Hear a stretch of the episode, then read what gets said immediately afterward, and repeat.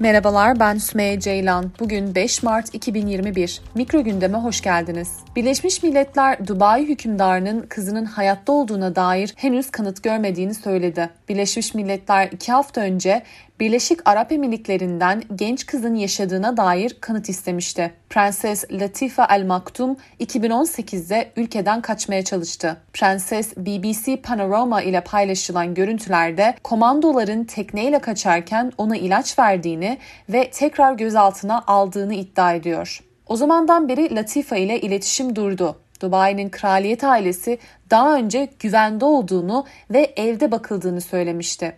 Fakat Prenses Latifa'nın görüntüleri Birleşmiş Milletler soruşturması için çağrılara yol açtı. Geçen ay Birleşmiş Milletler Birleşik Arap Emirlikleri'nden Prenses Latifa'nın yaşadığına dair kanıt istediğini doğruladı. Ancak cuma günü şu ana kadar ilerleme kaydedilmediğini söyledi. Latifa'nın babası Şeyh Muhammed bin Raşid El Maktum dünyanın en zengin devlet başkalarından biri. Dubai hükümdarı ve Birleşik Arap Emirlikleri Başkan Yardımcısı. Arkadaşlarının yardımıyla Prenses Latifa Şubat 2018'de yeni bir hayata başlamak için Dubai'den kaçmaya çalıştığını söylüyor. Kaçışından hemen önce kaydedilen bir videoda araba kullanmama izin verilmiyor. Dubai'ye seyahat etmeme veya Dubai'den ayrılmama hiç iznim yok dedi. Ancak günler sonra prenses Hint okyanusundaki bir teknede komandaları tarafından yakalandığını söyledi. O zamandan beri kaldığı Dubai'ye geri gönderildi. Babası onun yararına hareket ettiğini söyledi. Dubai'nin kraliyet ailesinden geçen ay yapılan bir açıklama